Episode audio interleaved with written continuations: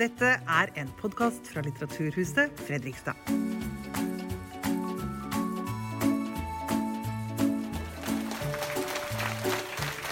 Ja, folkens. Hjertelig velkommen til folkemøtet her på eh, Litteraturhuset. Mitt navn er eh, Truls Velgaard. Jeg er eh, styreleder her på huset og skal få introdusere kveldens arrangement. Vi opplever nå en fullskala angrepskrig i Europa for første gang siden annen verdenskrig. Og vi lever med det i en tid hvor Europa utfordres. Vårt liv og vår identitet. Vi hører om Ukraina fra time til time. Vi følger med, og vi føler med. Her i kveld så skal vi forsøke å sette fokuset på hva som er drivkraften bak det som nå skjer. Hvorfor opptrer Russland som de gjør? Hva er det som driver Putin? Vi har et uh, panel i kveld som består av uh, tre personer. Det er Åge Borchgrevink fra norske Helsingforskomiteen. Og så er det Natalia Moen Larsen, som er forsker ved Norsk utenrikspolitisk institutt. Og så er det Halvor Kjønn, som er journalist og forfatter med lang fartstid, ikke minst fra Aftenposten. Eh, før paneldebatten så skal eh, Halvor Kjønn få eh, podiet her for et miniforedrag om Russland. Vær så god, Halvor. Ja, tusen takk. Jeg har lovt å ikke snakke mer enn 20 minutter. Så når de 20 minuttene er gått, da håper jeg at jeg er gjennom, og da avslutter jeg i hvert fall. Men eh, nå skal vi se. Eh, er det sånn? Ja, der var vi. Fordi at eh, Nå skal vi ikke snakke om hva som kommer til å skje i eh, Ukraina i morgen eller dagen etter det. For det, at, for det første er det ingen av oss som vet det helt nøyaktig. Og dessuten så eh, vil alle kunne følge med på eh, det i massemediene. Men jeg, skal, eh, jeg har bodd ca. 11 år i Russland. Eh, og oppholdt meg selvfølgelig veldig mye også i Ukraina i alle eh, de 15 tidligere sovjetrepublikkene. Jeg skal fortelle litt om hvordan, etter min mening, hvordan er tenkemåten? Hva tenker man omkring dette med stat, dette med samfunn og dette med å styre en stat? Og Så får vi håpe at, at teknikken står oss bi. Og det blir da en kort som jeg ser her, vandring i imperiets uh, historie. Det er selvfølgelig meningsløst å snakke i 20 minutter om det, men jeg skal forsøke å gi dere en idé om et hovedproblem, nemlig hvordan vi i Vesten tar systematisk feil når vi vurderer hva som kommer til å skje i Russland, jf. alle ekspertene som nå tok, har tatt totalt feil av Putin. Og det er fordi vi tror det at politikk i vest er det samme som politikk i øst. Altså at det skjer på samme måte på Capitol Hill minus det som skjedde 6.1 i, i fjor, da, selvfølgelig, og i Kreml. Her ser vi Ivan Tredjes klokketårn. Nemlig at i Russland så er det slik at det er ett grunnbegrep som man alltid må ha kjennskap til når man skal befatte seg med det landet. Og det begrepet det er vlast. Og vlast det betyr ganske enkelt makt. Makt, vlast, er grunnbegrepet i alt samfunnsliv i imperiet. Og man kan ikke befatte seg verken med russisk eller ukrainsk samfunn uten å være bevisst dette. Og spørsmålet er hvem har vlast, hvem har makt, og hvem har ikke makt? Og den som har makt, har all makt. Den som ikke har makt, har ingen makt. Og dette er viktig. Og Derfor heter det selvfølgelig det viktigste sånn, eh, nyhetstidsskriftet det heter selvfølgelig Blast, som betyr makt eller makten, som vi ser her. Og når vi skal da lete etter kontrasten til eh, Vesten, så er den helt eh, åpenbar. Eh, hvis vi f.eks. ser på hva kaller vi et samfunn eller en stat, en nasjon, altså det som er overbygningen, jo, det er en stat.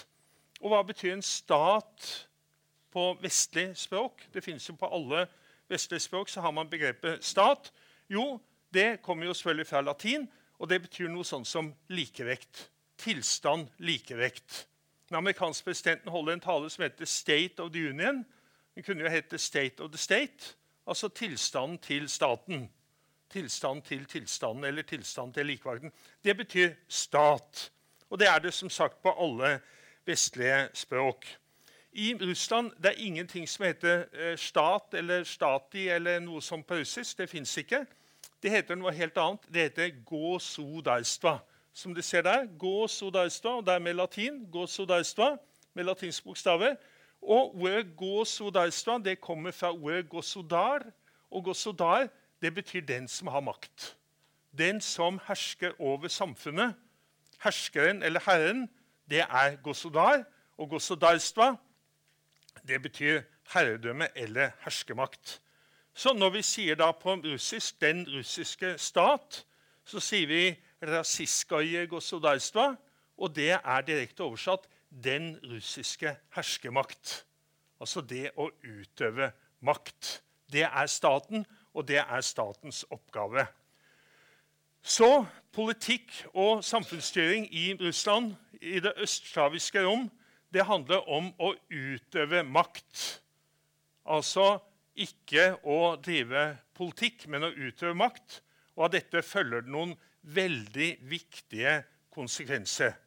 Og konsekvens én det er det at politikk er ikke jeg gjentar ikke det muliges kunst. Politikk er å herske.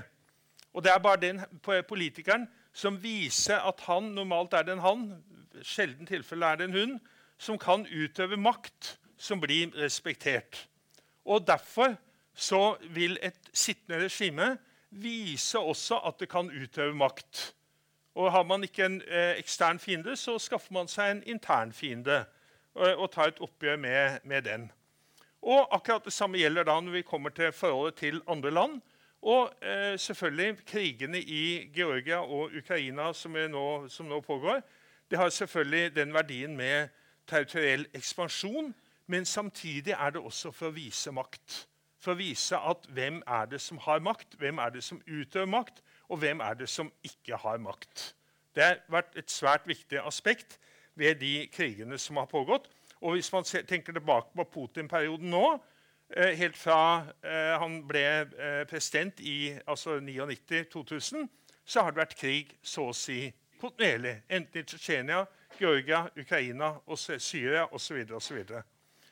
Og når russiske politikere forholder seg til andre land, så er det selvfølgelig akkurat den samme måte å tenke på.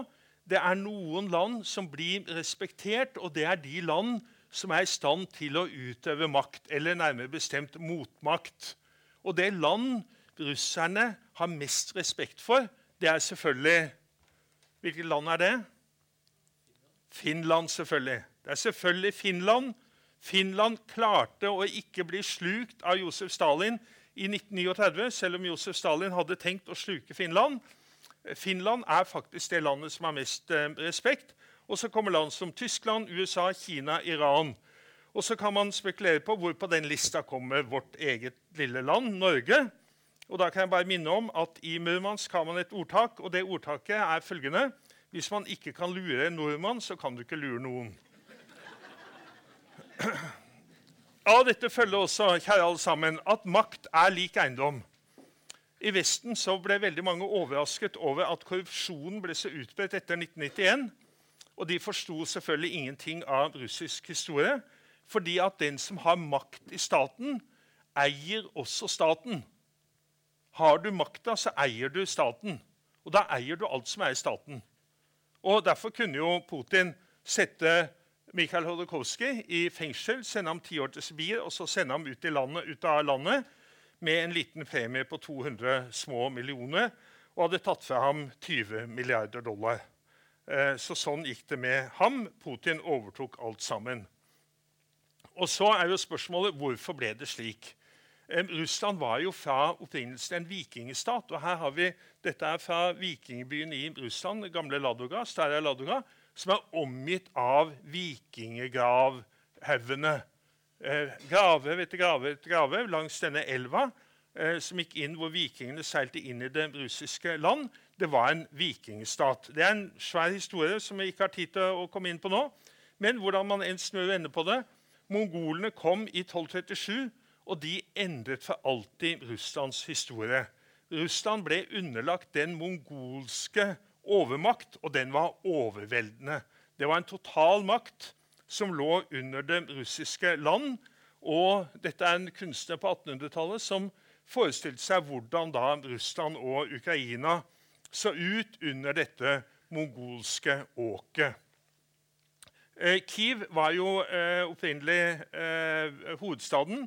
Kiev ble ødelagt eh, fullstendig, og det oppstod da en motmakt til mongolene. Og den motmakta til mongolene den ble skapt i Moskva.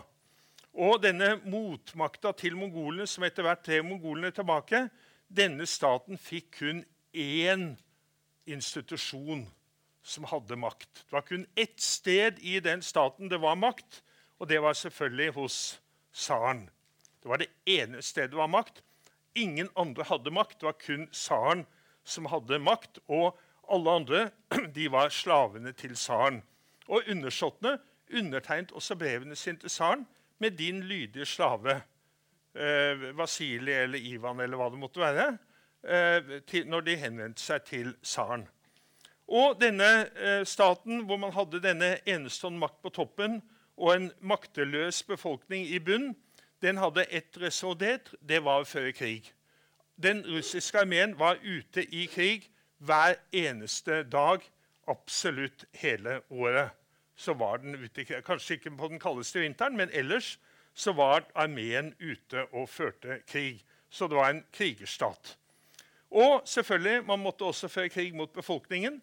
Og allerede Ivan Grusom på 1500-tallet opprettet Apritsjtinan, altså det hemmelige politiet. Så det ble opprettet på 1500-tallet. Så vet vi alle sammen fra Om man ikke har gjort noe annet enn å gå på folkeskolen, så lærte vi alle at omkring 1800 eh, så skjer det noe grunnleggende i Europa. Da kommer ideen om folkesuverenitet og demokrati. Den kommer til Europa, men den utviklingen finner ikke sted i Russland. Eh, Russland det, på 1800-tallet det blir autokratiets, altså selvherskerdømmets, klassiske tid. Det er tsaren som hersker ved hjelp av sin egen makt. Det er kun tsaren som utøver makt, og den makta er det han kun som er ansvarlig overfor, og overfor Gud, selvfølgelig. Og Her ser vi et bilde fra eh, 1914 eller 1915, hvor eh, soldatene bøyer kne for den guddommelige tsaren. Tsaren var den lille far, altså bindeleddet mellom menneskene og Gud. Og man sa 'du' til tsaren, akkurat som man sier til Gud. Eh, ellers så sier huset 'de' til alle, men man sa 'du' til tsaren. Så kommer som vi alle vet, sovjetperioden, og det fortsetter på akkurat samme måte med denne guddommelige skikkelsen. Først i eh, Lenins skikkelse, og så siden i denne mannen her, eh, som jo ble i egne øyne og i propagandaens øyne så ble han stadig mer overmenneskelig. Eh, og her ser vi ham helt på, altså på krigen, hvordan han troner da som denne giganten over Den røde armé. Og Den røde armé den sto tross alt eh, Adolf Hitler, så det var ikke noe liten armé. Men Stalin var selvfølgelig mye, mye større. Han døde 5. mars eh, 1953, eh, og det er alltid blomster på hans grav bak, eller ved Kremlmuren, bak mausoleet. Det er alltid, Hvis man går der, så ser man alltid at det ligger blomster på grava hans. Vi har ikke tid til å gå inn på Khrusjtsjov og Brezjnev og alt dette. Men eh, de aller fleste her de husker vel det at eh, i 1985 så kom det en ny eh, eh, leder som het Gorbatsjov, som ga russerne muligheten til å snakke fritt og tenke noenlunde fritt, og ikke minst å reise til utlandet. Han ble fjernet etter seks år og er en foraktet person. Det er ingen som takker Gorbatsjov. Og spesielt Putin han takker ikke. Eh, eh, Putin har jo betegnet da eh, oppløsningen av Sovjetunionen som, hvor Gorbatsjov ble sett på som en, en, av de viktigste årsakene, som den største katastrofen i vår tid. Vinteren 2012 så gikk middelklassen for første gang ut på gatene i Moskva for å fjerne Putin. Vi ser den plakaten. Eh, Russia bis Putina. Russland uten Putin. Eh, og denne parolen her ned med selvherskerdømme. Daloi Samudashavie. Men Putin han mobiliserte voldsomt eh, alle de en kan si, repressive kreftene i samfunnet. Her ser vi en stilstudie fra eh, Putin denne vinteren 2012. Og her og like etterpå, i 2014, så går han da inn i Ukraina. Siden den gangen så har Vesten vært i krig med Russland eh, i praksis. Eh, Russland har, i, eh, har eh, drevet en kontinuerlig territoriell ekspansjon. Eh, problemet har selvfølgelig vært at vi har nektet å innse hva som har skjedd. Fordi at vi ønsker å leve gode liv.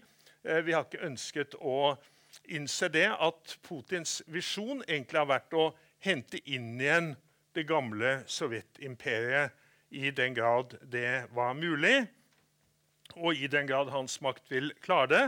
Og så står vi ved eh, Ukraina-krigen 2022, som ifølge Putin, hvis man leser da Putins eh, uttalelse om dette, er en revansj for det som, det som skjedde i 1991. Det sier Putin helt åpent i talene sine. hvis man studerer talene. Vi led et nederlag i 1991. Vi ble frarøvet eh, store deler av vårt land. Eh, det russiske land ble stykket opp. Vi er nå ute etter å ta det tilbake. Så Putin, en helt vanlig reaksjonær selvhersker. Eh, og han identifiserer seg også i høy grad med de konservative tsarene fra, fra 1800-tallet, som Alexander 3. i dette tilfellet.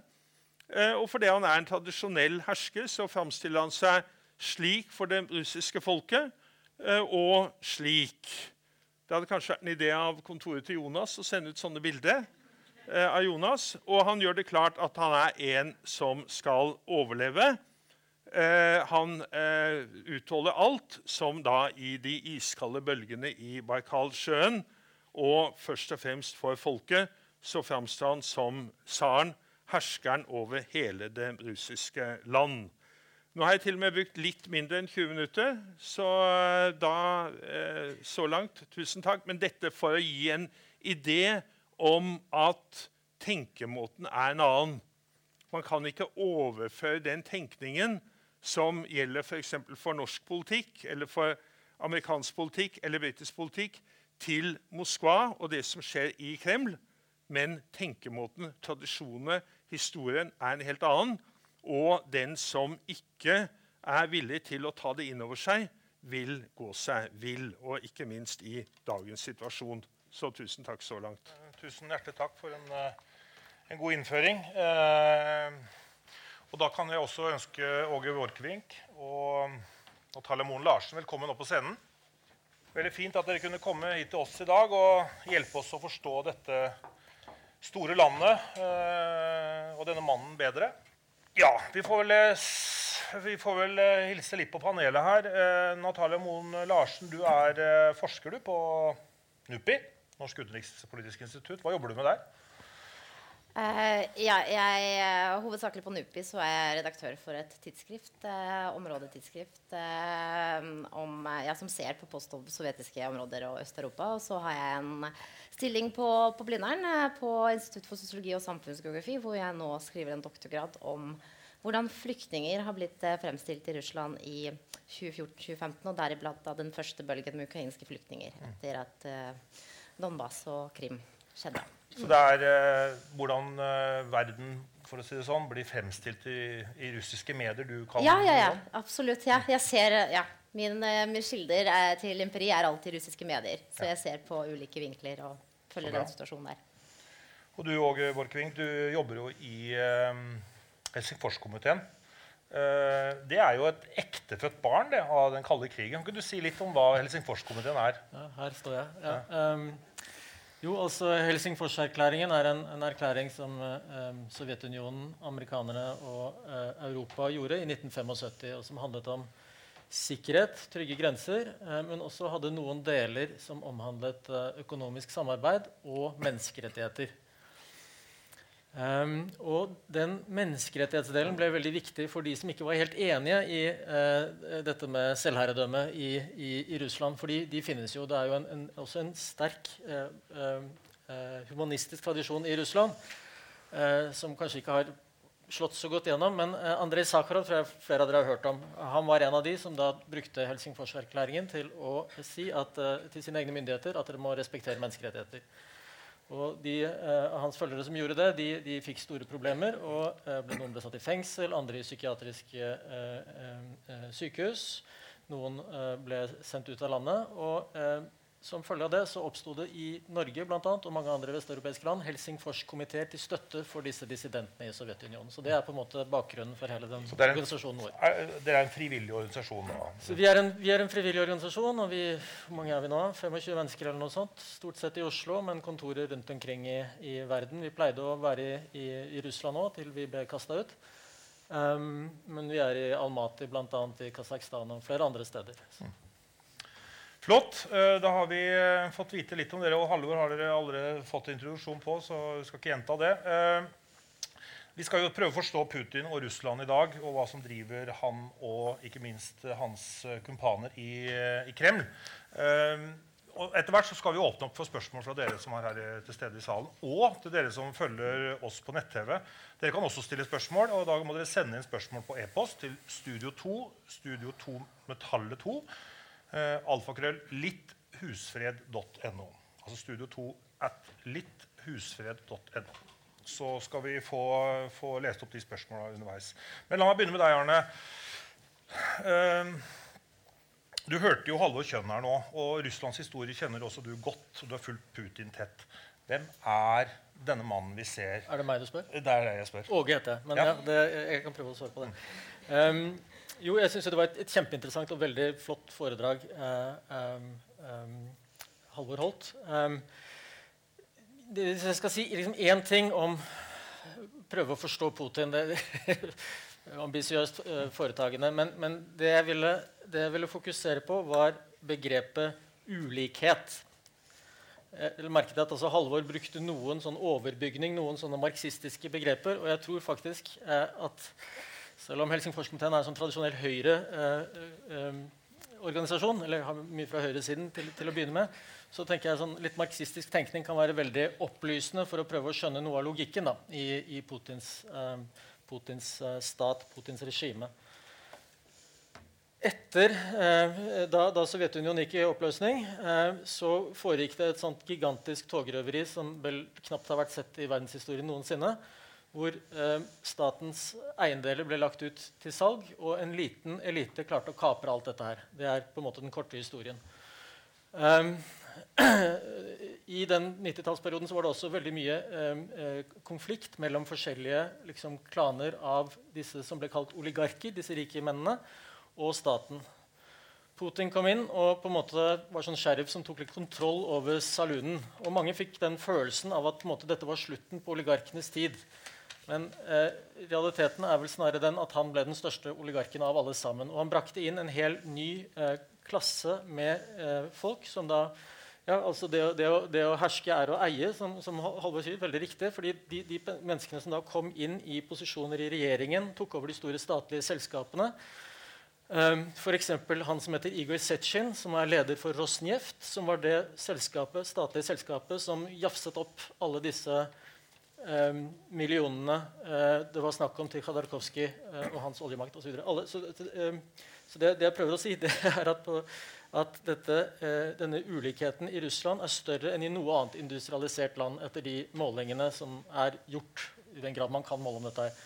Eh, og for å bevare det systemet ja, altså En av grunnene til at Putin er utfordret av Ukraina, er at der har det motsatte skjedd. At det har vært flere revolusjoner der, 2004 igjen 2014, hvor på en måte folk har gått på gata og bedt om en større del av kaka. Det er egentlig det det grunnleggende sett handler om der. Jeg synes ikke det har så mye med øst og vest og de greiene der. Det har å gjøre med fordeling og ulikhet. Og dette her er et stort problem for Putin, og, og noe av grunnen til at Ukraina har vært liksom en stein i skoa, en torn i øyet, alt det der, og at han har gått så veldig, veldig hardt løs på det. Så jeg tror at her, dette her grunnleggende sett handler litt om, om fordeling. Hvor mye, hvor mye er uh, har, har, vi noe kunnskap om hva Vladimir Putin eh, er verdt? Altså, hva, er, hva er det han eh, har av verdier, egentlig? Jeg, jeg vet at eh, Navalny og, og, kretsen rundt han har gravd i dette. Ja, det er, det er, jo veldig mange beregninger i dette. her. Jeg syns det er veldig usikkert å vite. Uh, altså det, er, det, er, et sånt uttrykk som jeg ikke husker, jeg er ikke så god i russisk, men, uh, men uh, som sånn sparegris for mafiaer. Det er et sånt ja, i hvert fall, det er, det, er, det er, penger som eies ikke nødvendigvis av den som egentlig kontrollerer dem, men gjennom andre. Det har vært sånne store avsløringer i det siste. Eh, F.eks. noe som heter Panama Papers, hvor det var liksom en masse informasjon som kom fra et advokatfirma i et annet skatteparadis i, i Karibien. I det så går det fram at en av Putins gamle venner han spiller cello, var god for to milliarder dollar.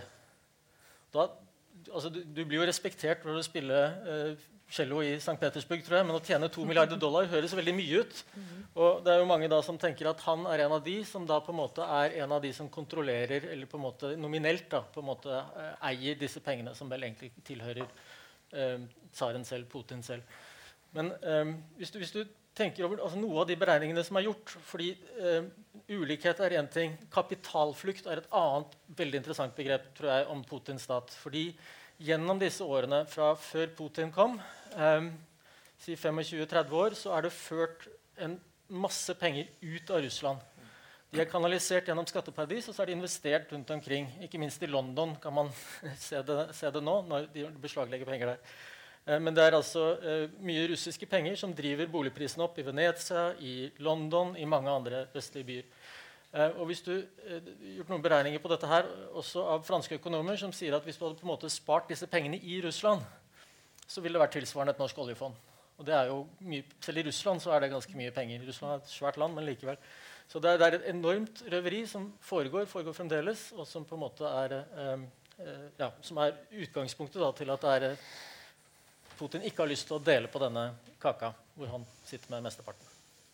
Jeg, har lyst til å gripe litt fatt i det uh, Halvor uh, sa nettopp, dette med makt og, og det å utøve makt. Uh, og, og, du sa vel du sa vel også det, Halvor, at det er, dette, denne krigen her nå, den har vi egentlig pågått lenge. Og vi har jo ikke tatt noe ordentlig oppgjør med Putin. Og, og nå står vi her. Eh, I dagens VG så tar Bård Larsen i Civita eh, et oppgjør med den mentaliteten som på mange måter er råda i vår del av verden i mange i, ja, hvis nesten sier flere tiår. Han skriver, og jeg siterer i Norge, eller egentlig i hele den vestlige offentligheten, så har det festet seg en slags forestilling om at det meste kan repareres gjennom dialog, og uh, at det nesten ikke finnes den fiende som ikke kan humaniseres ved å vise fram vår beste side. Dreiepunktet for et slikt verdenssyn er det terapeutiske blikk på alle konflikter. Um, en slags bunnplanke i dette synet er at uh, ekstreme bevegelser og ledelser er symptomer, på, er symptomer, på, sosiale og økonomiske forhold. Og hvis man holder litt fast i det, da, så er, det liksom, er vi der at vi må legge bort tanken om dialog. Er det maktmidler som gjelder her? Jeg, jeg lurer på det. Hva tror du om det, Alvor? Jo, altså vi, som jeg forsøkte å si innledningsvis, vi har en ekstrem svakhet i Vesten. Fordi vi mener jo det at vi lever de beste liv som er mulig, gitt altså de vilkår vi har i verden, så er det aller best å være et vestlig menneske. Og aller best selvfølgelig å være norsk. Og da tenker vi det at alle andre vil også det. Og det har formet vår, vår måte å se på verden og behandle verden. Og det var jo også, det var bakgrunnen for at vi gikk tungt inn i Russland etter kommunismens fall. Og holdt jo faktisk, vi holdt jo landet på beina. Altså Landet var i ferd med å gå konkurs pga. vanstyre, korrupsjon og, og, og, galskap og økonomisk samarbeid. Og det ble jo puffet inn, det ble jo skyflet inn massevis av vestlige lån for å unngå det. Eh, og til og med det var jo veldig mange i Vesten som var mot oppløsningen av Sovjetunionen. For vi ville ha en ordnet overgang, og at de skulle bli som oss.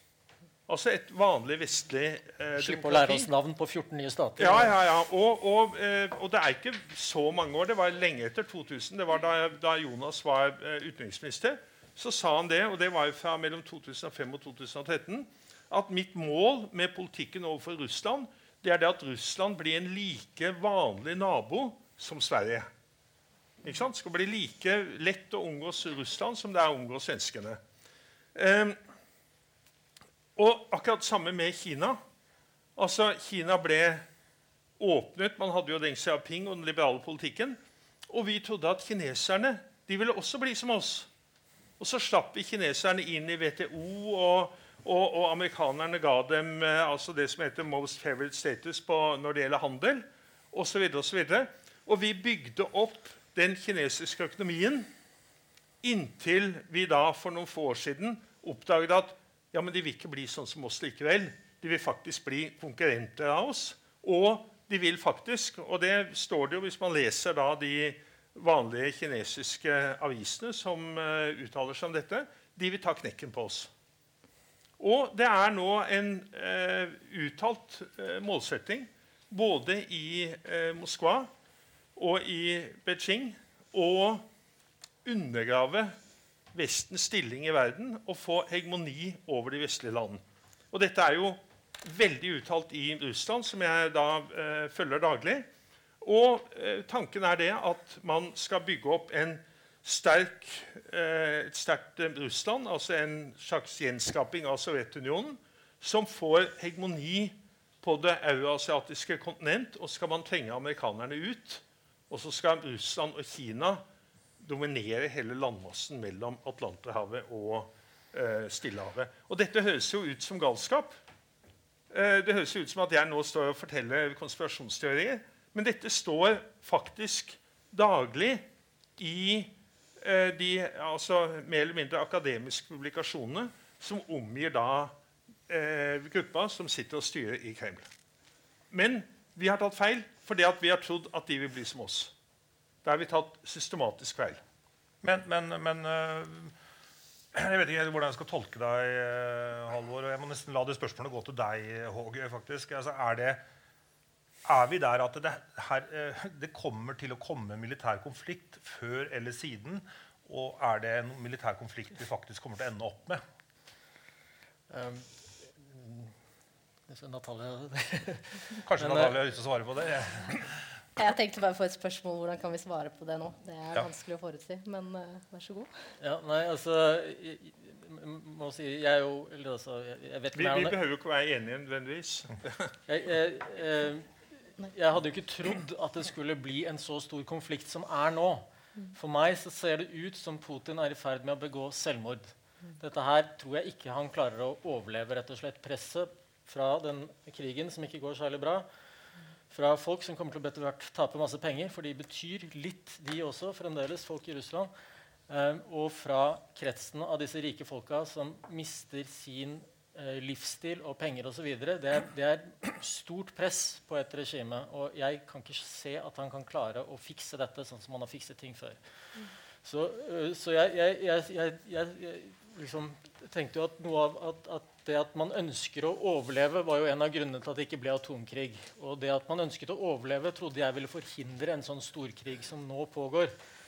Um, så, jeg, jeg tror, hvis, hvis, du skal tenke på å være, å være, redd for krig i Europa, så, så tror jeg man skal legge merke til hvor elendig det går med den russiske hæren i disse ti dagene det har vært krig nå. Hvis dette hadde vært en veldig stor militær trussel mot Europa og mot Nato, så ville denne krigen sett annerledes ut enn det den gjør. altså. I, eh, med fare for å virke litt sånn dystopisk her, men, men, men uh, hvis det er slik at uh, dette er begynnelsen på slutten til, for Putin, da, og et menneske som, som kanskje vil, som står i fare for å miste den makten vi ser her nå, vil ikke det føre til en ganske desperat Putin? hva tror du, Natalie? Jeg? Ja, altså nå har jeg sagt nei til veldig mange forespørsmål om å snakke om Putins psykiske helse akkurat nå. fordi det, jeg syns det er veldig vanskelig å si hva som foregår i huet på Putin nå. Uh, det eneste jeg har sett rent visuelt på, på, bilder av Putin, er at han sitter stadig lenger unna sine da undersåtter, kan vi si. Ikke de flyvertinnene, da? da flyvertinnene, men, men, der har det, vært sånn Ja, det var snakk om at flyvertinnene har vært manipulert inn. Mm. Men, uh, men, det er også Det kan ikke jeg verifisere for dere. Det er også sånne ting som man snakker om. Men i hvert fall så er det at han sitter ved større og større bord, da, og at han er er som om han er redd for et eller annet. Er det, er det meteren? Er det koronameteren han holder? Ikke sant? Hva, hva er det som skjer? Uh, som har vært veldig påfallende på de bildene. Eh, men så, så Hans psykiske helse vet ikke. Eh, men det jeg kan si for å følge opp eh, litt av det som har blitt sagt eh, her i dag, er jo eh, når det gjelder folket da, og folkets støtte til Putin eh, På, på, på 90-tallet så var jo eh, hverdagen til russere er veldig kaotisk. ikke sant? Fordi man mista jo eiendeler, og det var mafia, og liksom folk ble skutt, og ting ble frastjålet, og det var eh, kaos, da. ikke sant? Og, og det er eh, Og Jeltsin, da vi, vi hadde en alkoholisert eh, president i Russland, ikke sant? Eh, som, eh, så, og så da assosieres dette med den typen eh, demokrati eh, som Russland kan få til. Så, så da er det snakk om at eh, vi russere vi trenger da en sterk leder som klarer å kontrollere oss. Det er liksom en slags uh, fortelling uh, som fortelles i samfunnet. At vi har hatt tsaren, som uh, vi har hørt i, i stad. Så det, tsaren har holdt oss i sjakk, og vi trenger da en sterk hånd som klarer å kontrollere oss. Og så er det jo sånn at når Putin kom til makta, så skjedde det en del ting med økonomien som ikke nødvendigvis skyldes han. Men, men det som skjedde, var jo at folk ble, hadde det bedre. Fikk, eh, det, velstanden kom, og folk fikk det bedre økonomisk. Så, så man assosierer da dette med Putin, at han kom og gjorde slutt på, på det der kaotiske 90-tallet. Og da, da kom det ro og velstand, og vi hadde det så fint. Og, og så dette med da at eh, Russland fikk så mye penger fra bl.a. Norge og andre land. Dette her er en slags eh, nederlag eh. Som man eh, så man har lyst til å kvitte seg med liksom, den der skamfulle fortiden sin. ikke sant? Og så reise seg opp fra knærne og da være en leder i en uh, multipolær verden, som ble også nevnt i stad, med da Kina som en annen pol, og ja, kanskje Vesten, men da i mindre grad enn de er nå. Det er det som sies. Så det, ja. Hva tror du om en desperat uh, Putin, uh, Halvor? Ja, eh, altså La meg si på den måten at det var jo en, veldig mye debatt eller det har pågått en debatt i lang lang tid om at ja, hvis vi i Vesten gir ham det og det, da vil han bli fornøyd. Eh, vi må bare komme litt i dialog, og vi må kanskje gi ham Krim. Eller vi må gi ham de der to utbryterrepublikkene i Ukraina. Eller vi må kanskje eh, trekke Nato tilbake fra Polen. Og da vil Putin være fornøyd. Og saken er den at det vi har sett nå, det har vist det som veldig, må jeg si, all beskjedenhet, veldig mange av oss har hatt en mistanke om, at det er ikke dette det handlet om. Det det handlet om, er det at Putin vil gjenopprette så mye av Sovjetunionen som det er mulig. Putin vil gjenskape den euroasiatiske sentralmakt, den euroasiatiske supermakt, som er dominerende på ja, Jeg er inspirert av den mannen her, eh, Hoff-ideologen, i hvert fall en viktig stemme, som, eh, som eh, kan dominere hele vårt kontinent. Og Derfor var alle forhandlingene med om Ukraina det var jo bare spill for galleriet. Eh, Vi kunne egentlig altså, gitt både det ene og det andre og det tredje kjøttbeinet til Putin. Det var, ingen, det var jo ikke noe akutt anledning for Putin til å gå til krig. Det var jo ikke sånn at han sto mot veggen, eller at det var en eller annen spesiell hendelse. Nei, det skjedde jo ingen verdens ting. Men han gikk til krig. Og hvis man da leser talene hans Ja, fordi at Sovjetunionen, eller det som var da blir nærmest opp til Sovjetunionen, det skal gjenskapes med ham på toppen. Og så er spørsmålet er dette uanvendelig. Eh, går vi mot en eh, full krig mot, med, mellom Vesten og eh, Putin, eventuelt Vesten og, eh, på den ene siden og om Russland og Kina på den andre? Og da vil jeg si Det at eh, det er bare én måte å gjøre dette på, og det er gjennom det som heter på fagspråket avskrekking. Altså ha så store militære styrker at det, den kalkylen blir ulønnsom. Altså avskrekke en motstander fra å gjøre det. Og en, Den motstanderen har vist seg å ønske ekspansjon. Og da må vi, hvis vi ønsker fred, så må vi forberede oss for krig. Og det er den beste måten å bevare freden på. Som det heter i det gamle latinske ordtaket si vis pacem parabellum.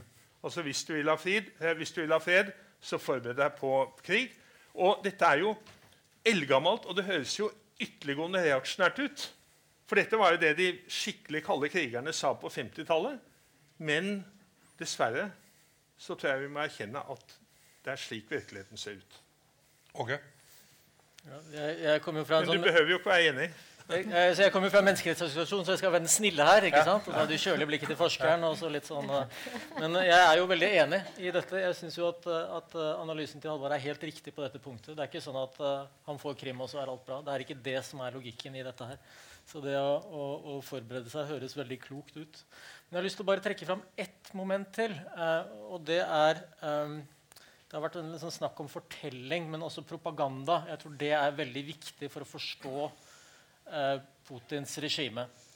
Altså, han jo, eh, liksom etablerte seg i russiske sinn i den første Tsjetsjenia-krigen. Han var statsminister, og så ble han president eh, denne krigen, eh, mens denne krigen, som han jo i, egentlig startet da, 99 eh, uh, mens han var leder for den. Så han, han, er en krigsleder fra starten av.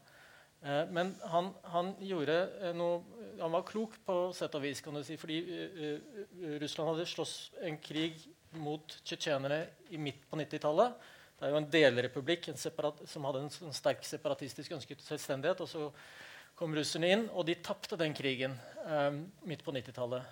Eh, de tapte militært, men de tapte nok først og fremst informasjonsmessig. Russiske journalister var der, fortalte hva som skjedde. Og eh, det kom en veldig opinion mot krigen, og det bidro veldig sterkt til å få den krigen avsluttet. Så det har Putin vært veldig sikker på, at han skal ikke liksom, miste kontrollen over historien her. Og det å på en måte eh, eh være den som forteller hva som egentlig skjer i Tsjetsjenia, det har han klart veldig bra. Han begynte med det, og siden så har han fortsatt med det. Og, og jeg syns nesten du må fortelle litt om hvordan eh, historien om Ukraina tar seg ut i Russland nå. Eh, fordi, det, ja, jeg var redd for at det ikke skulle komme fram, for jeg syns det er så viktig. fordi det er liksom denne her, evnen hans som historieforteller som er helt sentral tror jeg, for å skjønne dette her. Og eh, han har jo vært ganske flink også til å eh, skape en stemme i i, i, verden også, gjennom denne RT-kanalen, eh, f.eks., som er en av de mest sette internasjonale nyhetskanalene i verden eh, nå. Og, og der, eh, ja, De siste årene så har den jo konsentrert seg om å liksom spre vaksineskepsis. og den type ting, Men nå er, det liksom over på, nå er den i, i krigsmodus og, og forteller uh, Krems perspektiver på, på Ukraina. Da. Men altså, den stemmen der var jo liksom vært til stede. Uh, man kan se den presidentvalget i USA 2016 som, det mest kjente eksempelet. da. Men i hvert fall propaganda tror jeg er helt eh, essensielt for å forstå dette regimet. Og for meg nå så ser det ut som Putin til slutt begynte å tro på sin egen propaganda, og det var et eh, problem for han. da. Uh, Halvor, vi bare må dvele bitte litt. Du har jo vært inne på en, en del av det som uh, denne Dogen uh, Hvem er denne Dogen? Helt ja, kort. Han, uh, han, er jo en, en ja, filosof, samfunnsdebattant i Russland. Og det er jo han som har fremmet denne denne geopolitiske tankegangen i Russland om hvordan verden er sammensatt av eh, du kan si, og Dette er jo eldgammelt faktisk eh, tysk tankegang også. Av eh, verdensøya, altså det euroasiatiske kontinent, eh, med Moskva i sentrum. Eh, og så er det hovedmotstanderen er da USA, og USA står for det dekadente. Og hvis du leser talene nå Jeg leste på en russisk avis i dag en preken av, eh, eh, av patriark Kirill, altså sjefen for den ortodokse kirka i Russland. Og hva var det han var opptatt av? Jo, han var opptatt av spredningen av, eh, av altså gay parades. Ja, homoseksualitet. Og det var den største trusselen mot alle verdens folk. Og eh, USA er da eksponenten for det. altså Dekadansen, sammenbruddet, uorden. Mens eh, Moskva Tenkningen i Moskva er da de gamle verdiene, orden, de tradisjonelle. Og eh, det skal da med basis i den ortodokse kirke, som jo er ekstraordinært eh, gammeldags og reaksjonær. Og det skal da gjenreises i hele verdensøya, eh, i, i, hovedsak med allianse mellom Russland og Kina, som også da står for det. Og så skal man ordne opp med de, med de små europeiske land, som jo er henfallende til dekadanse og uorden. Og, og et splitta og oppdelt USA, det var, ja. vel, det var vel, ikke det, det, har, det, har, nesten kommet et stykke på vei der. Ja, ja. ja, ja. Og, og, nettopp det er jo, og nettopp derfor mener man jo det at Putin valgte et tidspunkt fordi han anser Biden for å være en svak president, eh, og at dette var da et gunstig tidspunkt til å hente Ukraina inn. Og det er første viktige skritt det er å ta Ukraina tilbake. Og hvis man leser da en del av folkene omkring Putin, så er det ikke en krig som pågår. Men det er da noen i Ukraina som har gjort oppe mot den russiske orden og den russiske verden. Vi skal se litt nå på den, eh, hva slags fortelling som, eh, som, eh, som finner sted, da, eller som blir fortalt i, i Russland om det som foregår. eh, Vi har et par videoklipp som du tok med her, Alvor. Jeg tenkte det var interessant å kanskje Ja. vise litt om hvordan, hvordan dette ser ut på russisk fjernsyn. da. Eh, så vi kan jo begynne litt her. Det er jo Gud, Gud, Gud velsigne tsaren, den gamle eh, tsar-nasjonalsangen. Dette klippet er bare halvannet minutt. Ja, Vi kan Eh, se litt på det, i hvert fall. Ja, og, men det, det er mektig kultur.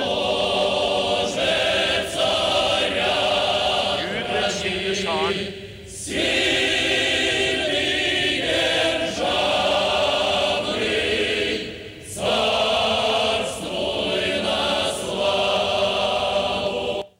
sterke tsaren som bevarer den eh, slaviske, ortodokse verden. Og så har vi et annet klipp som, Ja. eh, som vel eh, er hakket Og det, og det er en, det er en, en, krigssang fra annen verdenskrig. Men dette minnet om annen verdenskrig det blir jo brukt veldig aktivt av eh, Putin-regimet for å militarisere nåtida. La oss se på det. Ja.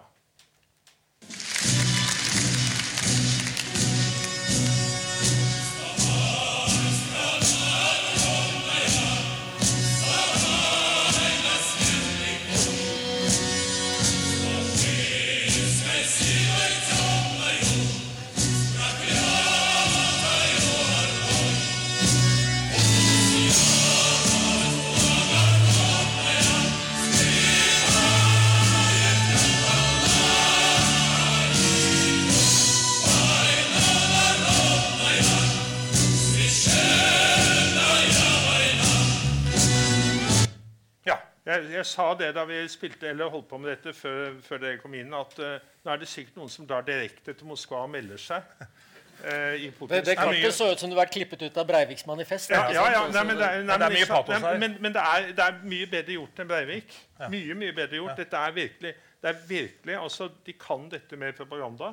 Og det er veldig uh, godt gjort, og det er veldig virkningsfullt. Og dette kjøres om og om og om, og om igjen på TV.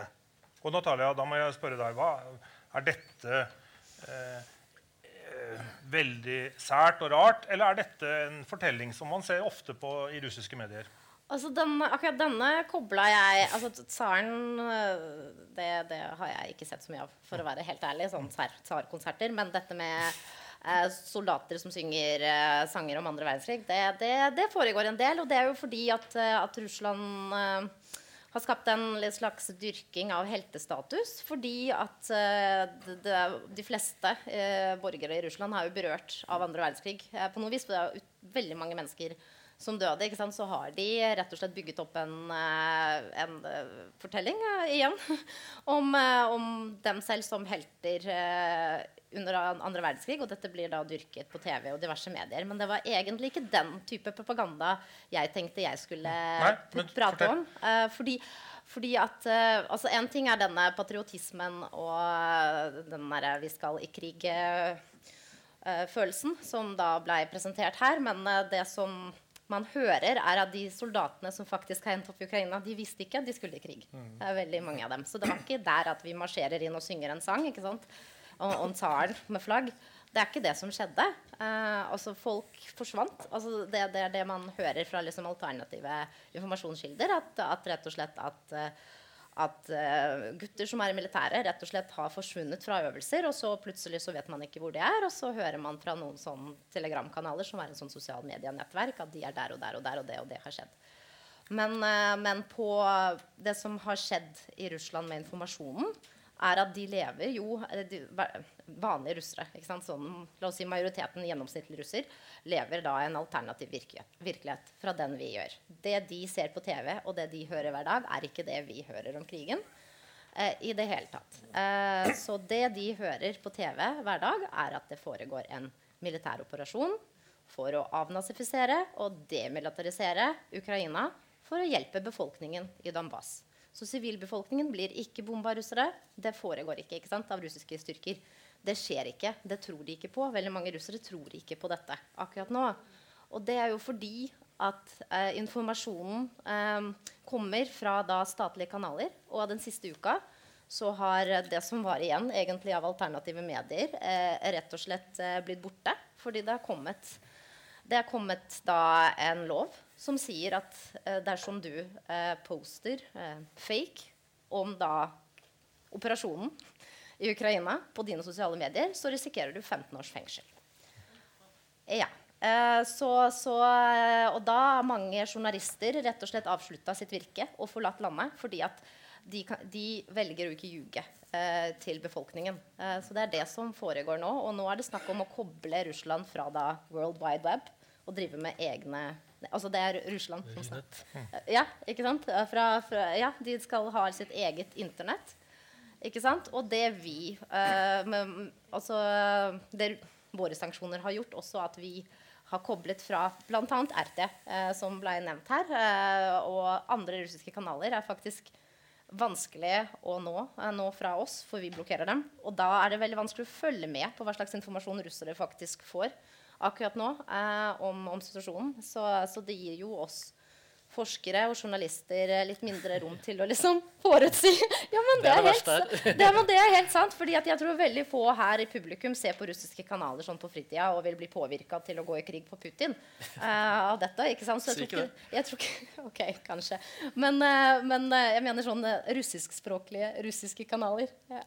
ja. men jeg tenker altså, det, Jeg tror ikke det, det hadde skada så mye å ikke blokkere de, egentlig. Men men, men, men Åge 15 år uh, i fengsel for å, for å, legge ut noe som myndighetene mener er, er i strid med den, deres fortelling. Da. Uh, og, og altså, dette er vel et, Skal vi ikke bare kalle det det der? Er ikke dette et, blitt et diktatur? Jo, det er det blitt. Og det er gått fra å være autoritært til å bli totalitært. Det er jo det på en måte bildene her indikerer. på en måte Du prøver å skape denne store ja, bevegelsen, massebevegelsen. Prøve å liksom gjøre hele befolkningen til sånn masse da, som på en måte ja, støtter opp under det hele. Uh, og det er jo helt uvirkelig nå, føler jeg, fordi det er så mange av mine venner og kolleger i Russland som er i fengsel nå, um, eller på flukt, eller på en måte prøver å komme seg ut. Det er helt uvirkelig stemning. Store deler av, Russland de lever i den bobla uh, Natalia beskrev, men en, en, en, liten del av dem de, de, er på en måte en annen front da, i denne krigen, uh, i, som er inne i Russland. Jeg har bare lyst til å si én ting for at ikke dette skal bli så innmari dystert. Um, og det er på en måte at um, det, er en, det, er en, det, er en, russisk sosiolog som heter Jekaterina Schulman.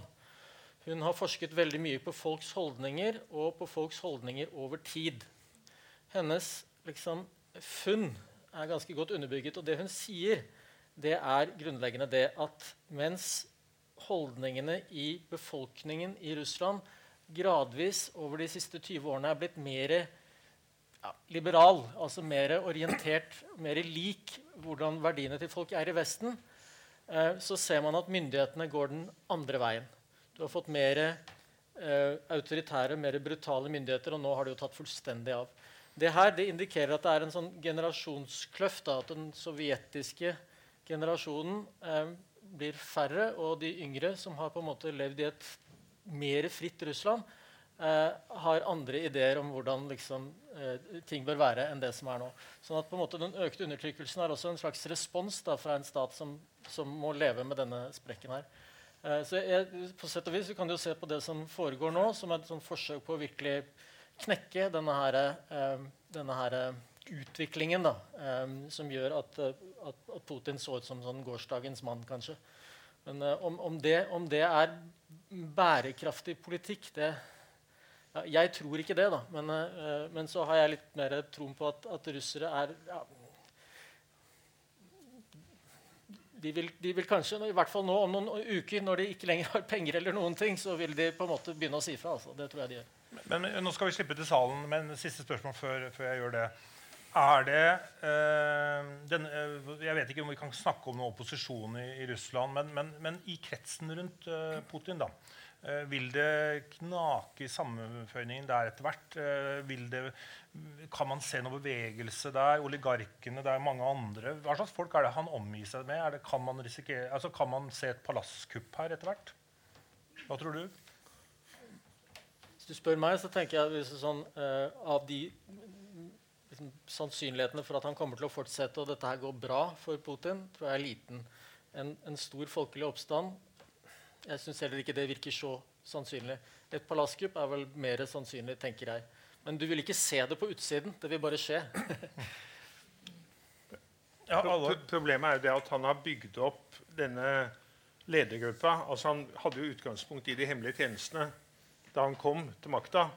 Og så, og så har han ved hjelp av denne maktstillingen i de hemmelige tjenestene tatt over eh, armeen, altså det militære. Og det er jo det som er å ha sine håndplukte folk. Eh, men man skal jo aldri si aldri. Det er klart det at det kan være på et eller annet tidspunkt at de sier at nei, dette her blir, går for galt.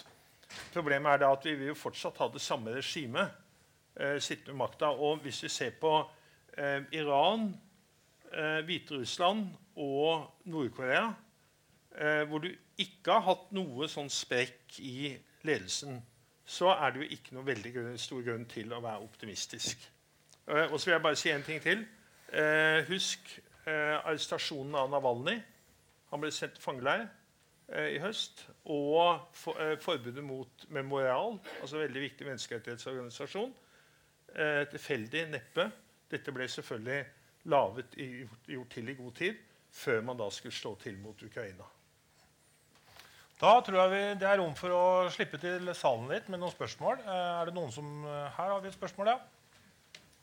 Jeg lurer på Nei, må, Vi må ta mikrofonen, hvis ikke så hører ikke de der hjemme oss. Ja, Hei, eh, mitt navn er Geir Fossvold. Takker for utmerket, en utmerket orientering fra dere alle tre. Eh, jeg bare tenker litt på Hvor befinner utenriksministeren seg, Sergej Lavrov, opp i alt dette? Hvor nær er han Putin? Og det har, det har vært påfallende taust om han i mediebildet etter at krigen brøt ut. Ja, altså Jeg kan eh, svare litt, i hvert fall. han har jo vært i mediebildet i den forstand at han har uh, lekt litt med, med atomberedskapsbegrepet. Uh, og, og, man hører jo uh, fra analytikere at hans retorikk også har blitt, har blitt mer radikalisert, kan vi si. I den grad Putin, så Han gjentar jo egentlig fortellingen til Putin om at denne avnazifiseringen og demilitariseringen og nøytralt Ukraina og ja, og det er jo den, eh, den fortellingen han formidler eh, akkurat nå. Og også har jeg Og nå vet jeg ikke hvor pålitelige kilder det er, men jeg hører liksom at han, også han snakker med Putin akkurat nå gjennom mellommenn. Og det er veldig få mennesker da som kommer eh, når Putin akkurat nå, eh, og at han liksom ikke er en av de. Ja. Mm. Halvor? Ja, nei, altså, jeg har møtt uh, Lavrov mange ganger, og da spesielt i forbindelse med besøk med norske politikere. Og gjennom veldig lang tid så var jo Lavrov han var jo et helt normalt menneske som Han kunne snakke med. Han oppførte seg normalt, han snakket normalt. Eh, og han så ut til å være et, eh, et vestlig menneske. Eh, og så er han da etter hvert, eh, i takt med det som har skjedd, eh, blitt mer og mer rabiat. Og dette bare viser det at utenriksministre de har vanligvis ikke sin egen maktbase, men de gjør det de får beskjed om. Og det da, er da Lavrov et godt eksempel på. Flere spørsmål fra salen? Der er det et spørsmål.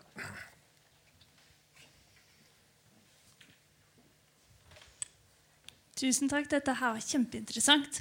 Eh, jeg vil gjerne komme litt tilbake til den mediesituasjonen som eh, er i Russland. Ja, eh, at at du ser at det er altså, Frie medier eksisterer jo nesten ikke lenger. Og, de, de, og, og, og, som du var inne på, Natalia, at, at den jevne russer den, den, får på en måte presentert en helt alternativ virkelighet. Men likevel så ser vi også store demonstrasjoner og mennesker som dras inn av politiet. Sånn. Hvordan får de tak i Altså De må jo få tak i informasjon et annet sted. Ja, uh, Foreløpig så har uh, den uh, sosiale medier som telegramkanaler har fungert. fungerer fremdeles. og YouTube er vel så vidt jeg vet, ikke blitt skrudd av ennå. Men ting skjer hele tida, så eh, jeg skal ikke love at det ikke har skjedd. Men, men, ja, men folk, det er unge folk som gjerne er aktive mer på sosiale medier. Også Novalny klarer, selv om han sitter i fengsel, å, liksom, å nå ut til folket med sitt budskap, hvor han skriver tekster som blir liksom lagt ut på, på nettet av hans advokater, hvor han mobiliserer fortsatt til da, eh, kamp mot, eller til demonstrasjoner. Men eh, mange har også sagt at de at det å delta i demonstrasjoner det er noe folk må velge sjøl. Vi kan ikke, vi kan ikke altså, fordi Siden det er faktisk ulovlig i Russland akkurat nå, og du risikerer å bli straffet, så må alle gjøre det på eget ansvar. Og kan ikke, du kan ikke liksom påvirke folk til å gjøre det. Da må de ville det. Mm. Okay. Bare tenkte, for, for, det første, Jeg syns ikke de demonstrasjonene som var nå, var særlig store. Det var, det var, noen tusen veldig veldig modige mennesker. Mange av dem måtte betale en høy pris for dette her. Eh, men store demonstrasjoner var det ikke. Så den lille russiske altså den, den, er ikke liten, men altså den veldig knebla russiske opposisjonen klarte ikke å mobilisere. Det så du veldig tydelig nå, syns jeg egentlig. Så det er litt trist på den måten. Jeg synes En historie, bare for, sånn jeg opplever det, da, eh, bare det, det her skillet mellom noen som på en måte skjønner, kanskje man skal si, eller i hvert fall mener at myndighetene plasserer nudler på ørene deres, som det heter, altså forteller dem bare tull og tøys. Eh, og de andre, Det var så tydelig for meg da jeg, var i Ukraina i 2015 og, og, var langs fronten med Donbass og drev og, og, intervjuet folk sammen med en russisk kollega av meg. Han bodde i Ukraina, men mammaen hans bodde i Moskva og ringte ham. Og så uh, kjørte vi liksom av gårde mens han snakket med, med mammaen sin, så jeg hørte hva de snakket om. da.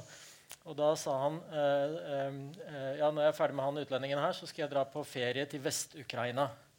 Og så hørte jeg han begynte å skrike på telefonen. Du kan ikke dra dit, de er fascister. De kan, hvis du finner ut at du er russer, så kommer de til å liksom ta livet av deg. Og så sa han hallo mamma, du har jo bodd her selv, og jeg er jo her nå. Det er ikke sånn, Du må ikke tro på disse tingene. Men det var helt umulig å få, få henne til å roe seg ned. Da. Så han måtte liksom si at jeg skal tenke på om jeg kanskje ikke tar barnebarnet ditt dit likevel. Og det, for meg så var det sånn der, illustrasjon av at på en måte TV er tykkere enn blod. Da. Liksom, altså at folk heller, eh, den, den, den, den, historien var så vanskelig å gi slipp på. Så den, den satt i sånn veldig. Og den er jo veldig sånn fryktbasert, som har en veldig sterk følelse også. ikke sant? Sånn at, uh, ja. Jeg, jeg, satt i går kveld og, og jobba litt på Twitter. Eh, da så, ser jeg også at den fortellingen da, om at det er fascister som, som, som, regjerer i Ukraina, den har jo fått ganske godt fotfeste Natalia, i Russland. Eh, er det sånn at en gjengse russer går rundt og tror på dette? Absolutt. Uh, familier blir splitta i en uh, diskusjon av dette her. Og ukrainere de bomber seg sjøl hvis noen bomber dem. i det hele tatt. Altså, det er, uh, og folk er overbevist og er villige til å krangle med deg. det er liksom som, Jeg vet ikke, jeg kan sammenligne det og diskutere med liksom sektmedlemmer, som jeg sa i stad. Altså, det, det er liksom sånn, du, du, vet at du har rett, eller, altså, men de, de vet at de har rett. Og så står man der og bare Det kommer ingen vei. Så ja, så de er overbevist om at det er fascister i Ukraina. Jeg skal vise en lite klipp fra, eller et bilde fra Twitter. Det her var noe jeg så i går. Um, jeg vet ikke om Du, du så vel kanskje den også, Åge? Du, du, er jo aktiv på Twitter. dette. Men, men, det er jo litt interessant, da, fordi dette er jo da tydeligvis et bilde som ønsker å plantes nå i, i, blant, blant, russere. At Nato er direkte involvert i det som skjer i Ukraina. Og nå, skal, da, nå skal de ha funnet en en, en, en datamaskin, datamaskin med et Nato-symbol på. Og Den ble vel skal visst angivelig da blitt funnet hos en av de liksom, nynazistiske bataljonene. Ja. I, ja. Og, og, jeg vet man merker dette her, for jeg lurer på uh, ja, Og så ser man liksom dette her da sprer seg. ikke sant? Uh, og jeg lurer litt på hva er, det, hva er dette bare lite, en tilfeldighet, eller er dette starten på noe større. Eh, jeg lurer på det, hvordan vi skal tolke dette her. Eh, fordi det er urovekkende når man ser at man begynner å male opp eh, NATO. Det er det, men dette her er den gamle historien. Og jeg, jeg jobbet jo mye i Tsjetsjenia. Og der var hele tiden historien at eh, menneskerettighetsgrupper jobber sammen med Osama bin Laden og CIA for å undergrave Russland. Så de forsøkte å diskreditere sånne utlendinger som meg, og ikke minst de russiske menneskerettighetsgruppene som fremdeles var der, ved å si at ja, dere er Osama og dere er CIA samtidig. Om det helt skulle gå sammen, er jo litt vanskelig å forstå. Men det liksom, dette her er den samme historien. Det er, det er, ikke noe nytt i dette. vil jeg si. Ja, Det som er spesielle, er jo det at eh, Putin kaller jo de som sitter med makta i, i, i Kyiv, for nazister. Og det er jo, hvis det var det, så er det i hvert fall første gang i historien at et naziregime er ledet av en jøde. Eh, for det, det er, Zelenskyj er jo jøde. Og det sier også veldig mye om hvor langt Ukraina faktisk er kommet. Statsministeren er også jøde? Ja, ja, ja, ja. For det at, ja, for det at uh, dette med antisemittisme det har vært utbredt. Det er ikke noen, uh, ja. Men uh, når det gjelder størrelsen på disse demonstrasjonene Moskva by er en konsentrasjon på 12 millioner mennesker. 12 millioner. Og at det da går 2000 i et tog, det er forsvinnende lite. Men det er jo veldig forståelig også som jeg sa, at man har jo da systematisk tatt knekken på opposisjonen. Og jeg tror faktisk at man har gjort det med tanke på det som skulle komme. Men en god del har jo disse VPN-dippeduttene sine.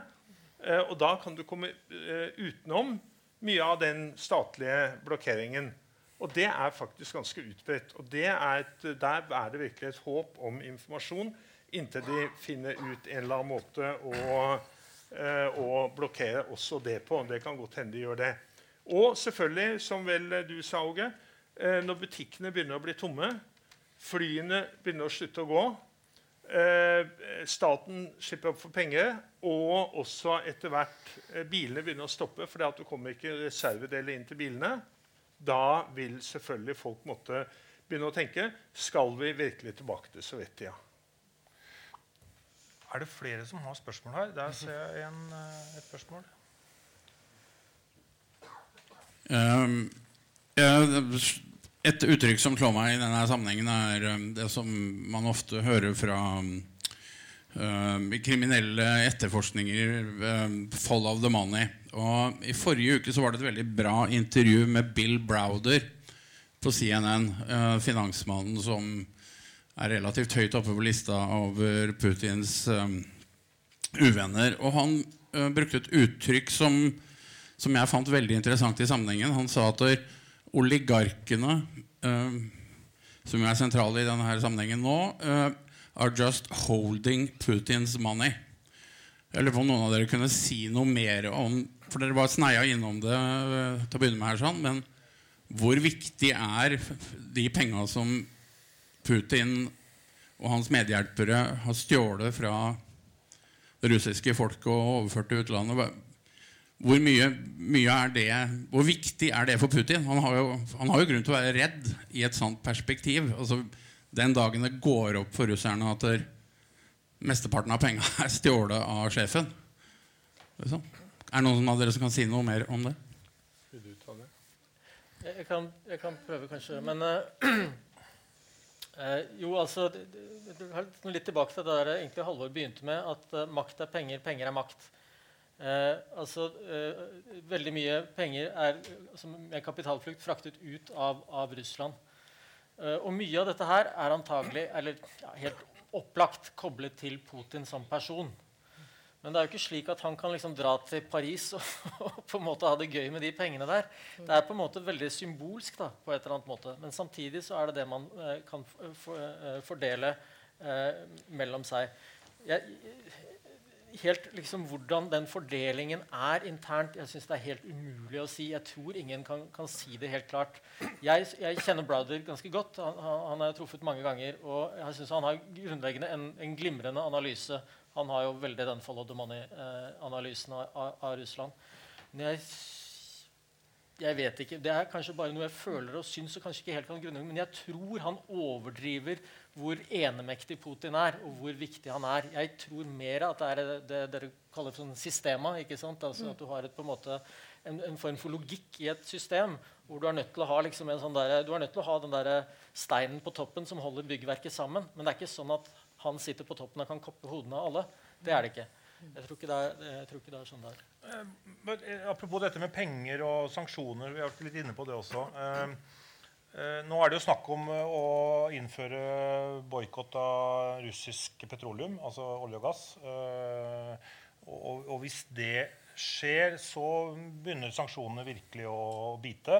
Og så sa jo Putin jeg tror det var i går faktisk, han sa vel at han oppfatter disse sanksjonene som en, eh, som en krigserklæring. Eh, hva skal vi lese inn i det? Eh, er det en tom trussel, eller er, er, det, altså, er, er han veldig pressa nå? Hva tror du, Halvor? Han sa nesten en krigserklæring. Nesten. Ja, Han sa ikke en krigserklæring, og han sa ikke det at vi kommer til å gå til krig hvis de gjør det.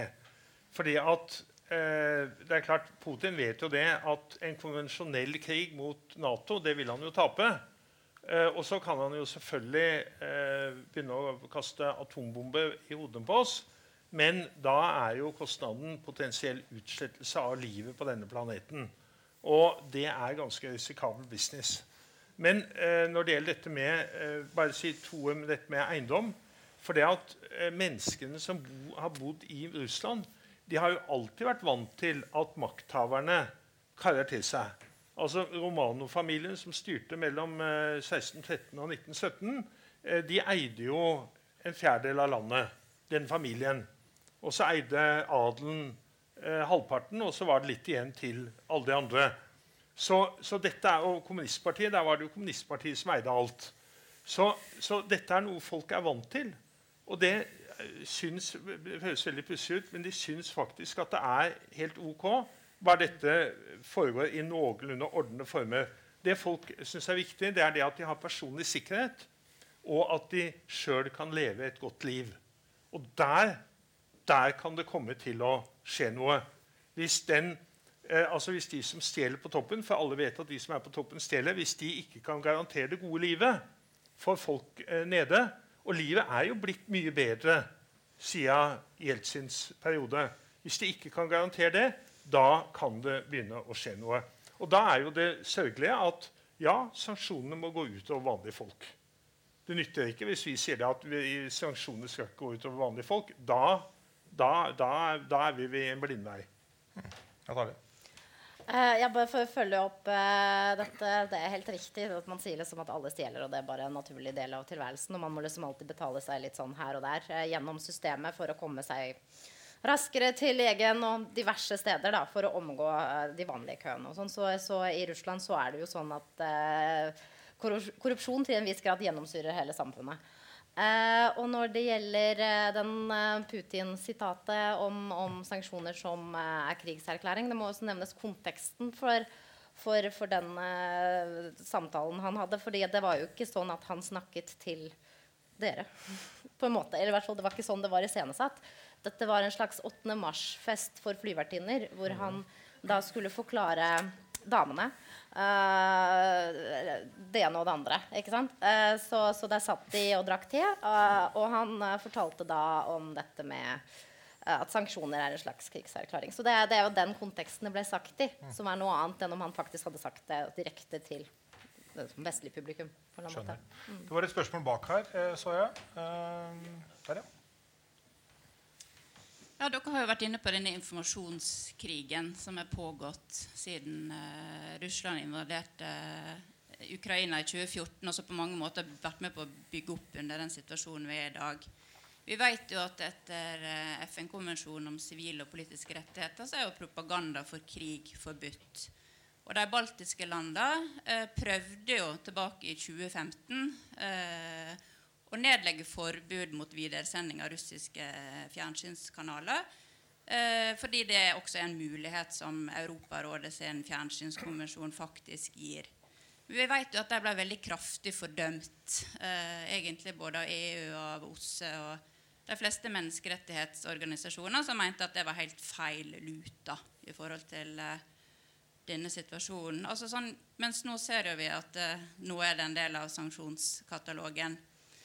Det kunne vært litt interessant å høre sånn noe litt sånn på klokskapens lys. Altså, var det feil medisin? Gjorde man egentlig for lite? Eller var det feil at man ikke i større grad tok på alvor den bekymringa som spesielt de baltiske landene da eh, ga uttrykk for tilbake i 2015 rundt informasjonskrigen? Det var et veldig stort tema på den tida i internasjonale fora.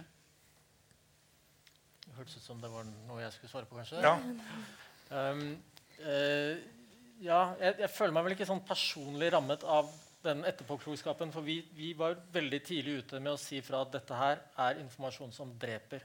Um, og, uh, og, og, prøvde å komme igjennom med det uh, også i Norge. Og jeg syns det har vært ufattelig vanskelig å komme igjennom med i Norge. Fordi folk vil ikke helt tro at det er en stor medieindustri som er dedikert til egentlig å fortelle veldig mye løgn. Mm. Uh, det er vanskelig å se. Men ja, men New York Times har jo også sagt feil ting. Ja, det har de. Men det er annerledes å operere med journalistiske standarder enn å være det sjefsredaktøren for eksempel, til RT som hele tiden snakker om, som sier at min kanal er et informasjonsvåpen.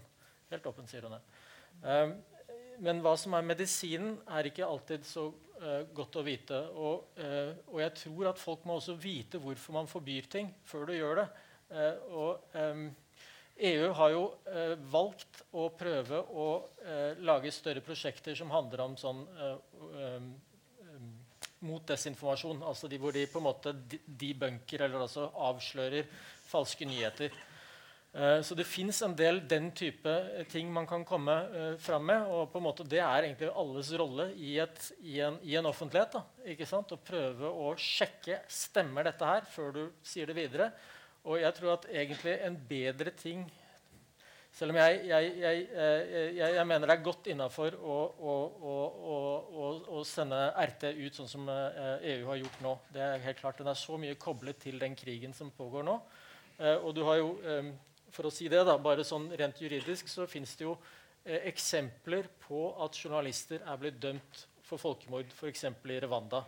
Um, så, så det, det, det fins en, en, en, en, helt sånn opplagt juridisk eh, vei for å på en måte gå mot journalister og medier. Um, men, uh, men jeg, tror på en måte at, at liksom aller mest denne her evige jobb, altså jobben med å ta falske nyheter er enda viktigere.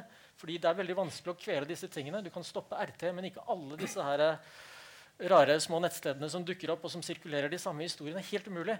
Det viktigste er å prøve å få en befolkning som er klar over hva informasjon er, og er på en måte kildekritisk og på en måte kompetent til å lese. Da. Det tenker jeg er langt viktigere enn å, enn å forby. Takk, Åge. Da har vi et spørsmål helt bakerst her. Nå går vi snart inn for landing, dere, så vi tåler ett spørsmål til etter det. Ja, Det er egentlig bare en refleksjon som man eh, kan ta med seg. Eh, for ikke veldig lenge siden så, så vi jo at eh, Tilgi meg om jeg ikke er helt presis, men ca. en tredjedel av den amerikanske befolkningen trodde at uh, valget var vunnet av en annen enn Joe Biden. Så da kan man jo spørre seg er det noe i vår tid som gjør at dette med å forføre eh, folkemasser dreie opinion i en viss retning, er blitt annerledes enn tidligere. Vi har hatt Internett, som vi vet, i 25 år omtrent. Eh, men sosiale medier er jo et relativt nytt fenomen. Er det noen av dere som vil si noe om det? Alvor? Ja, altså det er klart, og Dette går jo som du sier, langt utover Russland. Dette går jo da ikke minst på vår hovedallierte USA. For det, som har skjedd, er jo det at vi ser det at media er blitt polarisert. Og så går vi 40 år tilbake i tid. Eh, så leste alle leste da eh, aviser og hørte på radio eller fjernsyn som henvendte seg til alle. Og, og disse eh, eh, presseorganene de ga da et sånt generelt bilde. Men nå er mediebildet blitt eh, polarisert. Og de som er på den fløyen, de hører kun på det ene, og de som er på den andre. Eh, og det er, jo, det er, jo, et tegn på det i USA. så var det jo, Går vi tilbake til 50-tallet, så var det jo en katastrofe hvis din, uh, din sønn eller datter giftet seg med, med, en med feil hudfarve.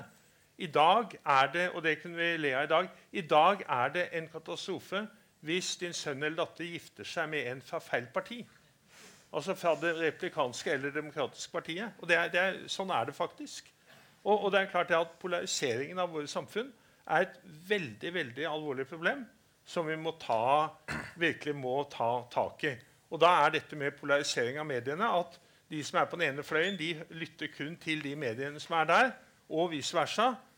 Eh, det det er noe av eh, hoved, hovedproblemet, og det er noe av det som har vært opphavet til den polariseringen vi har sett ikke minst i USA. Ja, også, uh, Apropos det, det, det er også en polarisering som Russland nører opp under. Eh, Vi så vel det i 2016-valget. Absolutt. Så, Absolutt.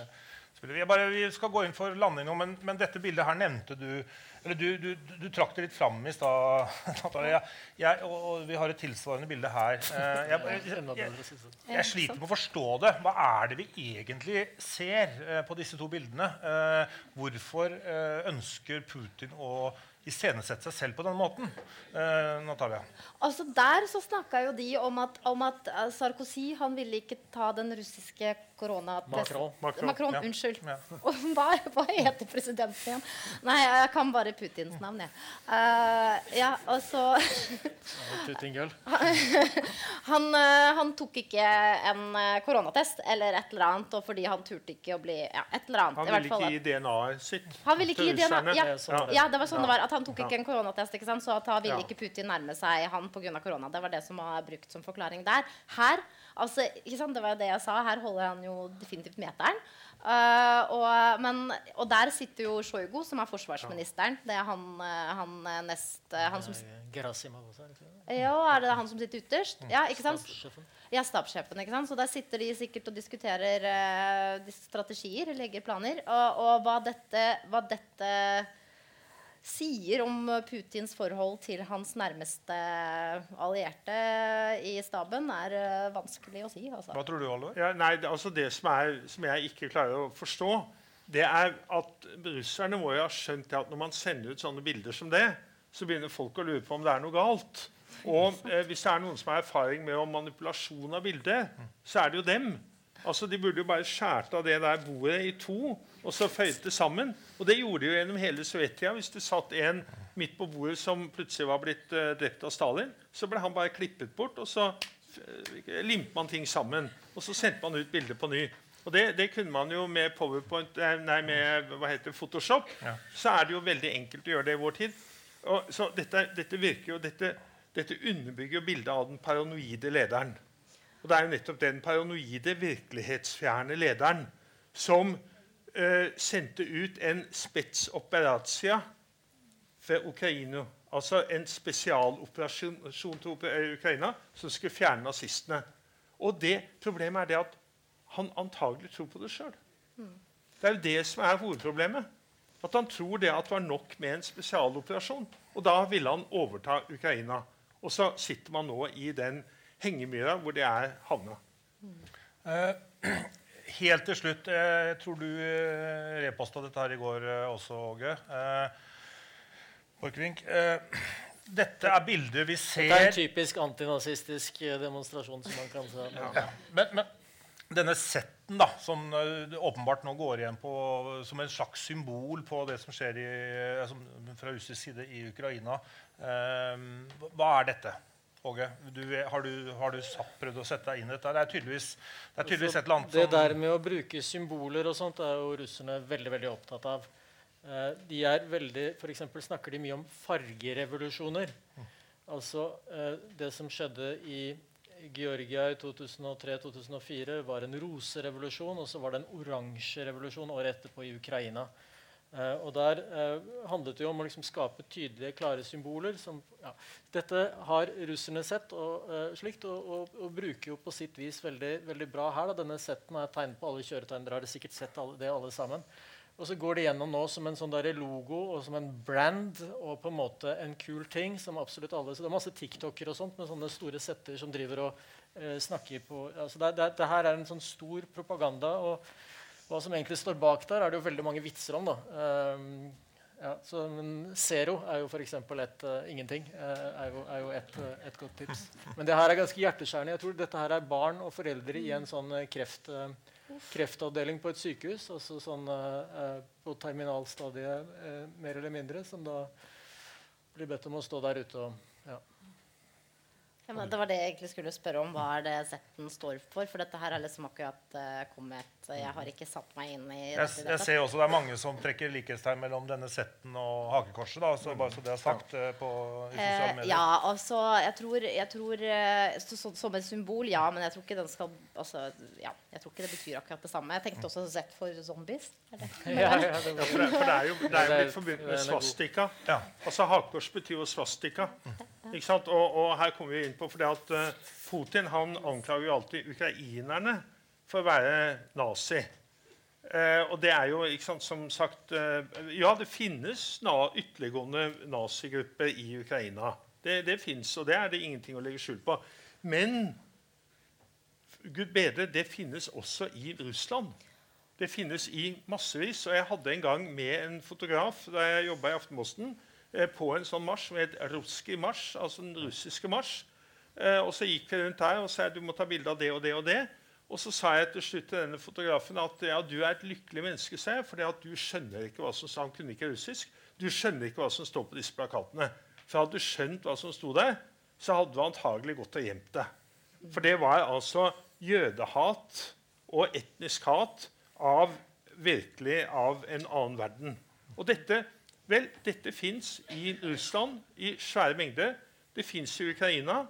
Men det å bare anklage ukrainerne for dette er helt urimelig. For det at uh, Putin han har så visst også sine svære svineflokker på skauen.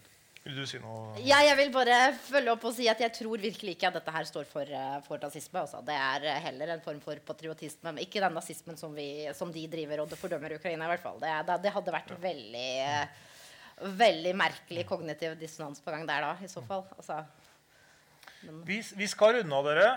jeg har lyst til å spørre dere og, og, og det blir jo selvfølgelig eh, umulig å svare ordentlig på det spørsmålet, men jeg skal stille det likevel. Hvordan eh, kommer dette til å ende?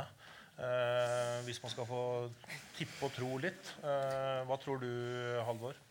Eh, jeg eh, tror Altså, jeg mener å vite at det er ei tid før 24.2.2022 og ei tid etterpå. Og den verden vi går inn i nå, den kommer ikke til å ligne. Og dette høres jo forferdelig dystert og deprimerende ut. men Dessverre så tror jeg at det, er, at det, er, sant. Jeg håper at jeg tar feil. Men den tida vi går inn i, den kommer ikke til å ligne på den tida vi, eh, de årene vi har hatt bak oss. Fordi at det har oppstått en veldig sterk aggressiv makt på det europeiske kontinentet som er villig til å bruke makt. Og det, vi, det kommer til å få voldsomme økonomiske konsekvenser. Eh, nå koster bensinen 22 kroner per literen. Den kommer antagelig til å gå opp i både 25 og 28 og kanskje 30. Eh, kommer å, maten kommer til å bli dyr. Men mest alvorlig eh, Vesten blir nødt til å få en helt annen organisering av sitt forsvar enn det vi har hatt til nå. Fordi at vi må kunne føre en, en konvensjonell krig i Europa. Og dette har vært en luksus som vi ikke har behøvd å tenke på. Og nå, nå er den tilstanden kommet, og jeg tror det at vi må bare ta det inn over oss før som sist. At skal vi bevare freden, så er vi nødt til å bygge opp en, en militær styrke som er en helt annen dimensjon enn det vi har nå, eh, dessverre. Og eh, hvis man ikke klarer nå skal jeg avslutte, hvis man ikke klarer, hvis ikke eliten i Russland, eh, kanskje i samarbeid med befolkningen, klarer å fjerne Putin i løpet av kort tid, så går vi inn i ei eh, 20 år lang istid. Hvor eh, Russland blir fullstendig isolert, og vi isolert fra dem. Og Det er veldig trist. Og selvfølgelig et Ukraina mer eller mindre ødelagt. Og for alle som eh, eh kjenner Ukraina, så er det helt forferdelig. Mm. Eh, du har kommet på et veldig viktig spørsmål som jeg bare må stille. og jeg kan stille til deg, Åge, fordi Vi husker hva som skjedde eh, i Jugoslavia, eh, på, eller eks-Jugoslavia på eh, 90-tallet. Da sa også Vesten at vi, dette er ikke vår krig, vi skal ikke inn. Men det endte jo opp litt annerledes. Fordi bildene som kom derfra, endret opinionen, og de politiske lederne i Vesten følte etter hvert et voldsomt press underfra at de måtte gripe inn.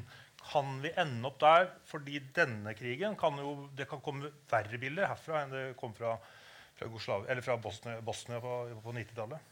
Jeg tror jo mer og mer vi er der nå allerede. Og jeg tror at noe av eh, den krigen som utspiller seg nå, og på en måte har utviklet seg så annerledes enn det mange trodde Det er det der bildet av Putin med det lange bordet og Sjojgo som sitter der nede, minner meg om. Det er eh, keiser Augustus han sendte jo eh, sine legioner over Rhinen, og de gikk inn for å liksom eh, utbrede imperiet inn i Tyskland. Og alle de tre legionene ble utslettet av tyske stammer. Eh, og Senere så ble det alltid sagt at eh, Augustus sa eh, Varus, altså generalen. Varus, gi meg tilbake mine legioner. Og det tenker jeg at det var Putin sa der. Gi meg tilbake den jævla kolonnen. Den sitter jo helt fast. Um, så jeg, jeg, tenker at Grunnleggende så har det vært en sånn fortelling fra Kinas og Russlands side av at demokratiet er svakt. Det var veldig mye kinesernes uh, fortelling om covid-håndteringen f.eks. Hvis du gjør opp sånn nå etterpå, så er ikke det riktig. Mange av demokratiene har gjort det veldig, veldig bra. Eh, jeg tror Putin forteller det samme. Og den krigen som nå eh, går veldig veldig dårlig for ham militært sett i Ukraina, er også et eksempel på at han har bygget et demokrati, en stat, i, i, i, Ukraina. Mye mer vellykket enn det amerikanerne klarte i Afghanistan. Gjennom å legge press på, på, demokratiet. For det er veldig mye styrke i folk. egentlig, Og det er det du ser da, på en måte, at en, er, de to tingene står imot hverandre. Så jeg tenker at det er veldig mye også på den sånn, styrking av demokratiet som kan komme fra dette her også. Um, så hans overilte angrep har på en måte kanskje styrket, uh, styrket det. Det, det. det, tror jeg, det håper jeg i hvert fall. Uh, og det vil vise seg på flere ting. Um, ja. Og hvordan vil det ende, tror du? ja, nei, Det å, å, spå om sånne ting Jeg gjorde det litt i stad. Det var, var, kanskje, var sikkert dumt, det. Um, men, uh, men en, en, ting jeg håper, i hvert fall, det, det, er at på en måte at man tar et oppgjør med den naiviteten som, som Halvor har snakket en del om. Og den innebærer også vårt medansvar for hele det togrøveriet som har skjedd. Altså, Egentlig så er det Vesten som er Putins heler. ikke sant? Han har stjålet, men alle pengene er investert her. Og det har vi eh, gjort. Norge har også et medansvar her. Oljefondet har investert ja, ikke veldig mye, men sånn 30 milliarder. det er penger det. Blant annet eh, Equinor, et uh, veldig tett samarbeid med Rosneft. Jeg snakket om Igor Setsjen, som er en av de skumleste personene i Russland. Det var liksom Helge Lunds og Eldar Sætres eh, kumpan da veldig lenge. Sånn at, og det har ikke vært det at det ikke har vært advarsler om at å gjøre dette her er risikabelt. Å gjøre dette her også investere mot Norges interesser i en korrupsjon som kommer til å bite oss i ryggen en eller annen gang. Og det har det gjort. Så jeg håper at liksom, noe av den naiviteten kan forsvinne. For det vil styrke demokratiet. At vi ikke er så grådige og så dumme. Og alle, alle har vi sittet og applaudert når Chelsea har skåret mål. Ikke jeg, da, men greit. ja, ikke jeg heller, men de fleste. Uh, ja. Uh, jeg tror ikke jeg skal forutsi hvordan, hvordan, det skal ende, men jeg kan jo si hvordan det på i hvert fall kort sikt vil gå med, den, med det russiske folket. Uh, ut fra det vi ser nå. Fordi litt sånn som med alle covid-tiltakene som har kommet uh, når korona først kom, så kom det masse greier. Og vi vet egentlig ikke effekten av de ulike tiltakene. På samme måte er det jo med sanksjoner. Nå kommer det mye. Og vi vet egentlig ikke eh, hva slags effekt de ulike sanksjonene har på liksom faktisk det, eh, det man ønsker å gjøre. Det å liksom å slå ned på Putin og hans eh, og hans eh, sirkel, om, ja, kolleger, hva skal man kalle de? hans undersåtter, hans nærmeste ja. krets, hans systema. Eh, og da vanlige folk, vanlige russere, sånn som det at man liksom ikke gir russere visum, at ingenting flyr inn og ingenting flyr ut.